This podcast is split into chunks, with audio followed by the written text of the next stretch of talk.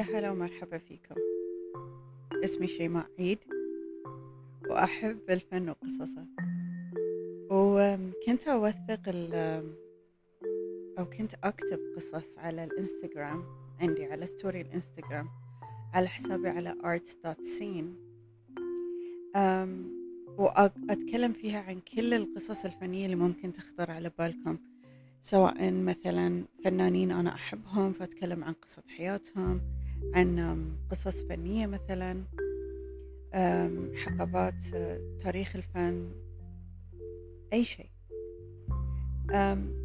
فقررت أن أوثق هذه القصص على بودكاست بدل ما أقولها على ستوري الإنستغرام وتضيع.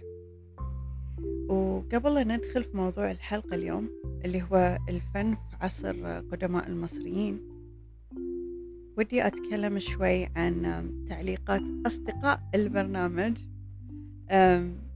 على الحلقتين اللي طافوا. فإن شاء الله يعني أتمنى أتمنى لو أنتم تقدرون تسمعوني سواء أنتم تسوقون سيارة أو تغسلون مواعين رمضان. كل عام وأنتم بخير. فأتمنى لو نقدر نسمع شوي من تعليقات أصدقاء البرنامج. وأهم تعليق كان من الفنان والأستاذ عبد العزيز التميمي. كان يقول إن الفن في العصور القديمة ما كان فن بمفهوم الحديث الحين. وإن الفن اللي مثل ما نشوفه الحين في أيامنا بغض النظر سواء هو واقعي ولا مودرن ولا إلى آخره يعني. بس إنه ابتدى الفن اللي نشوفه الحين في عصر النهضة مع ليوناردو دافنشي. مثل ما قالت صديقتي. يعني صديقتي صح وأنا غلط. يعني بس عادي. زين. وإن الفنان في العصور القديمة كان مثل ما تقولون حاله حال موظف في وزارة الإعلام حاليا. يعني بحيث إنه يبين أهمية الملك أو الإله أو دين الدولة أو إلى آخره يعني من هاي الأشياء. أه التعليق الثاني قالوا لي لا تكتبين سكريبت وتقولينها وتقرينها لنا. الظاهر إن صوتي يرقد سوري يعني. آسفة. ما عليه. بس انه أنا أخاف أتهته فمن كذي أفضل سكريبت يعني ما ما أعرف تخلوني هاللون من غير أوراق اتحكي حق الأوادم؟ لا ما أقدر. ما عليه. التعليق الثالث قالوا لي بيني مشاعرك. الظاهر صوتي وايد هادي. فبيني مشاعرك وانت تتكلمين. ما أعرف شلون أطلعها بس بحاول. الرابع كان إي مخارج الحروف. فقلت عيد صح؟ إي. في ناس علقوا. وبعد شنو؟ هاي تعليقي أنا. أنا ودي الحين من الآن فصاعدا أخلي البودكاست بس ربع ساعة عشان يكون خفيف ولطيف فيمكن في حقبات بخليها أكثر من جزء على حسب التفاصيل. بس يعني المفروض مثلا أنا كنت متوقعة أن حلقة اليوم مالت قدماء المصريين بتكون وايد طويلة. وشارية ثلاث كتب ما أقدر أشتري كتب أكثر من كذي. بس بعد أحس إن مختصرينها. مو ترى فيها تفاصيل. قدماء المصريين عندهم يعني فن صدق خلدهم. يعني هم دائما يدورون على البعث بعد الموت أو الخلود أو whatever. فالصدق فنهم خلدهم. ف ما عليه بنخليها خفيفة ولطيفة. أه خلنا الحين ندش في الحلقة. أوكي؟ طولت أنا في تعليقات أصدقاء البرنامج. ودي بعد تعطوني كل ما كل ما شفتوا إن نزلت حلقة ودي لو بعد تعطوني تعليقاتكم. حتى لو أنتم ربعي يعني أعرف يعني أعرف إن اللي سمع البودكاست بس أصدقائي بس it's okay زين. بس please يعني سواء على الإنستغرام سواء تعرفوني أنا شخصيا تقولون لي أم لأن لأن يعني أتعب وأنا أسوي الحلقات. ف فأبي أبي أبي صدق أفيدكم. وأنا بعد أستفيد. ونتعلم أشياء عن خصوصا ترى أكثر أو أوائل هذه الحقبات يعني في لنا إحنا جزء فيها. يعني ساهمنا في المخزون الثقافي البشري. يعني سواء أنت الحلقة حتى ما ما قبل التاريخ كان في أجزاء منها يعني ترى موجودة في بلادنا يعني تعرف سوريا مثلا آه، لهم آثار. الحلقة اللي عقب كانت حلقة السومريين والأشوريين والبابليين إلى آخره اللي كانت في العراق. الحلقة هذه بتكون عن مصر. آه، ففي ترى إحنا كشعب عربي وايد ساهمنا في ال- في المخزون الثقافي البشري. فكلنا راح نستفيد إن شاء الله. يلا وهيا بنا إلى الحلقة.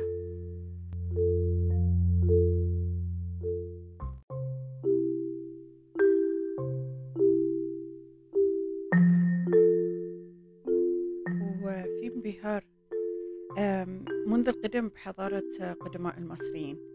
يعني آه، الإغريق قدماء الإغريق كانوا يتكلمون عنها وفي مؤرخ إغريقي آه، اسمه هيرودوت كان يسمي مصر إن هي هبة النيل.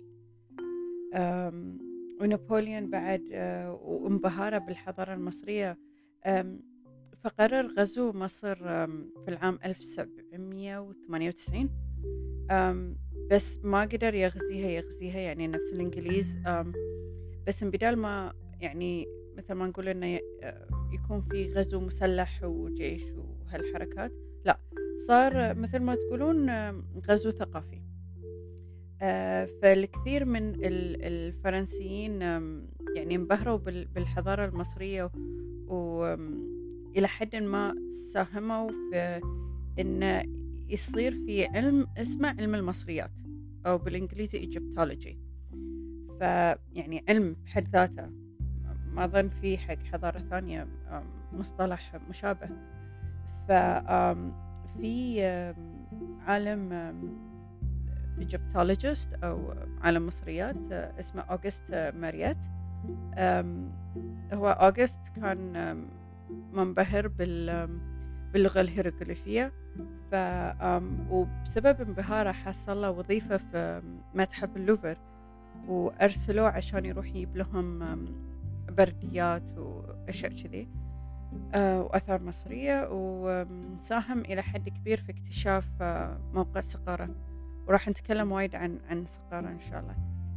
وفي نفس الوقت بعد مثل ما تقولون يعني هي كو فاوندد أو قدر إنه يعني يساهم في ال- يعني يسوي متحف مصري في مصر المتحف ال- القديم اللي نقلوا منه المومياوات إلى المتحف متحف الحضارة إذا أنا مو غلطانة إنزين إذا غلطانه برد بسجل المقطع.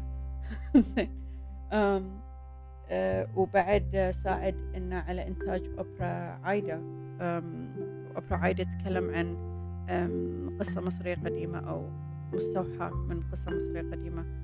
أم، ومن ال- اللي ساهموا في علم المصريات كان في أه، كاهن مصري قديم اسمه أنا صح مانثو. هو اللي قدر آه، يحدد أو يسرد تاريخ الأسر اللي حكمت مصر. فهم 31 أسرة. ما بين ما قبل التاريخ والقديمة والمتوسطة والحديثة.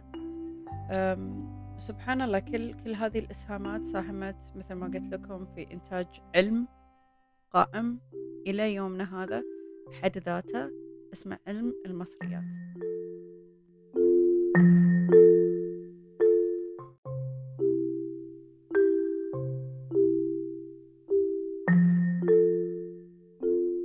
طيب ممكن نقول آم، إيش علاقة الفن بال بالتاريخ؟ من وجهة نظري هو لولا فنهم لولا النحت مالهم والرسم على البرديات آه، والمعابد إلى آخره كان ما عرفنا تاريخهم. يعني فنهم حتى لو هم مو قصدهم إن يسوون فن بس فنهم أرخ لهم. وراح نتكلم عن أهم ملك أو أول ملك في مصر القديمة.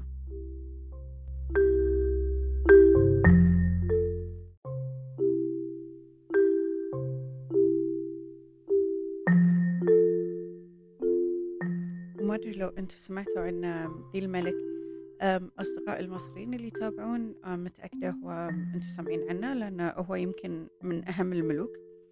آه هو مينا موحد القطرين. أوكي شنو نقصد بالقطرين لل... للناس المو مصريين؟ كانت الدولة المصرية كانت في دولتين. دولة في صعيد مصر أو اللي يقولونها بالإنجليزي Upper Egypt okay اللي هو الصعيد يعني شيء مرتفع okay.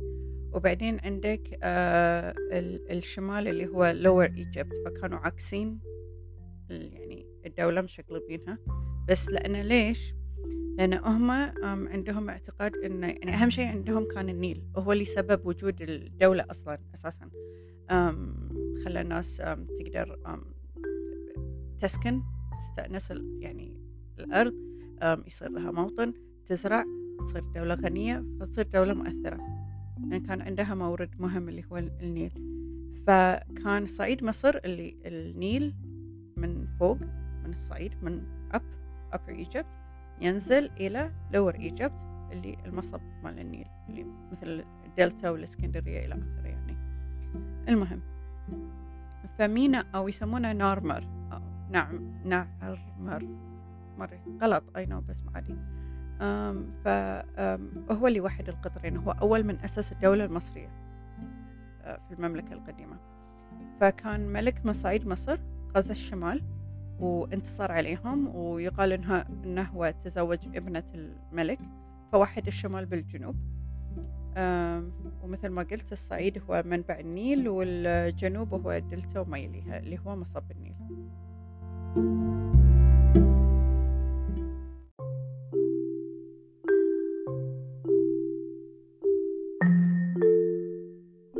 okay. وعندنا آه، مثل ما قلنا لوحة نورمر. اللي تاريخها يعود إلى 3100 قبل الميلاد. تبين لك شلون هو وحد القطرين. فأنت على وجه من هذا الحجر يعني آه، عندك نورمر لابس التاج الأبيض بحيث أنه يمثل آه، مصر السفلى اللي هي Lower Egypt وشكله أكبر من باقي الأشخاص اللي على الحجر اللي مرسومين على الحجر وتحيط بالآلهة حتحور اللي هي الإلهة الأم اللي هي على شكل البقرة.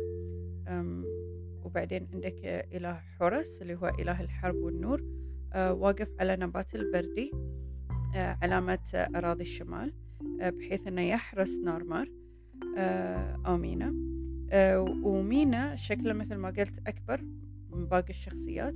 بحيث إن أنت تحس إن هذه هو بطل القصة. و يعني آه، حافي آه، عنده خادم ماسك ماسك حذاءه وأنت بكرامة. بحيث وهو نارمر ماسك راس العدو وراح يقتله يعني راح يقص راسه. يعني يمثل لك إنه هو آه، تخلصه من الأعداء الآلهة قاعدة تحمي. فبالتالي نجح إنه هو يتخلص من أعدائه ويوحد الدولتين مع بعض. آه، وعلى الوجه الآخر من من هذا الحجر تشوف آه، نارمر لابس آه، أمينة لابس تاج صعيد مصر اللي هو التاج الأحمر ويتفقد القتلى من الحرب الظهر اللي القتلى اللي من صوبه هو من من عشيرته. آه ومع أسدين أسطوريين لأن عندهم اثنيناتهم عندهم رقابهم طويلة بحيث أنهم يلتفون على بعض. ومع الجنود يمسكون فيهم ويحاولون أن آه، يعني يلجمونهم أو يمسكون لجامهم يعني سوري. فيبين لك أن شنو قصدهم. قصدهم أن مصر أو القطرين أو دولتين آه، تحتاج ملك قوي عشان تروضهم. فكل أسد هو علامة على جزء من من بلاد مصر اللي هي يعني الشمال والجنوب يعني.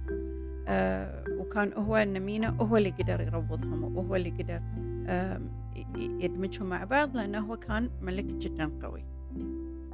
وهني راح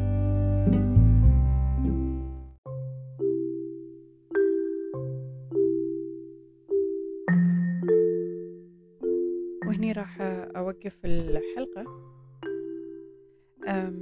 لأن الحلقة مثل ما قلت لكم عصر القدماء المصريين جدا غني. أرخوا أرخوا حق روحهم. آه راح أوقف الحلقة عشان بحاول إنه تقريبا أسبوعيا. آه إيه هذه كان التعليق اللي أنا نسيته. إنه قالوا لي إنه حاولي تنزلين مرة أو مرتين في الأسبوع. آه ما أدري والله الصراحة يعني صعب بعيش حياتي شوية بس آه راح أحاول إن شاء الله يعني أسبوعيا راح أعلن عن الحلقة قبل بوقت عشان لو بدكم تتابعونها. دائما آخر لينك للحلقة راح يكون في البايو عندي في بايو الإنستغرام. وأتمنى إن شاء الله أشوفكم الحلقة الجاية. بنخليها إن شاء الله الأسبوع الجاي. ولو قدرت أعلن قبل راح أقول لكم. ونشوفكم على خير إن شاء الله في الحلقة الجاية.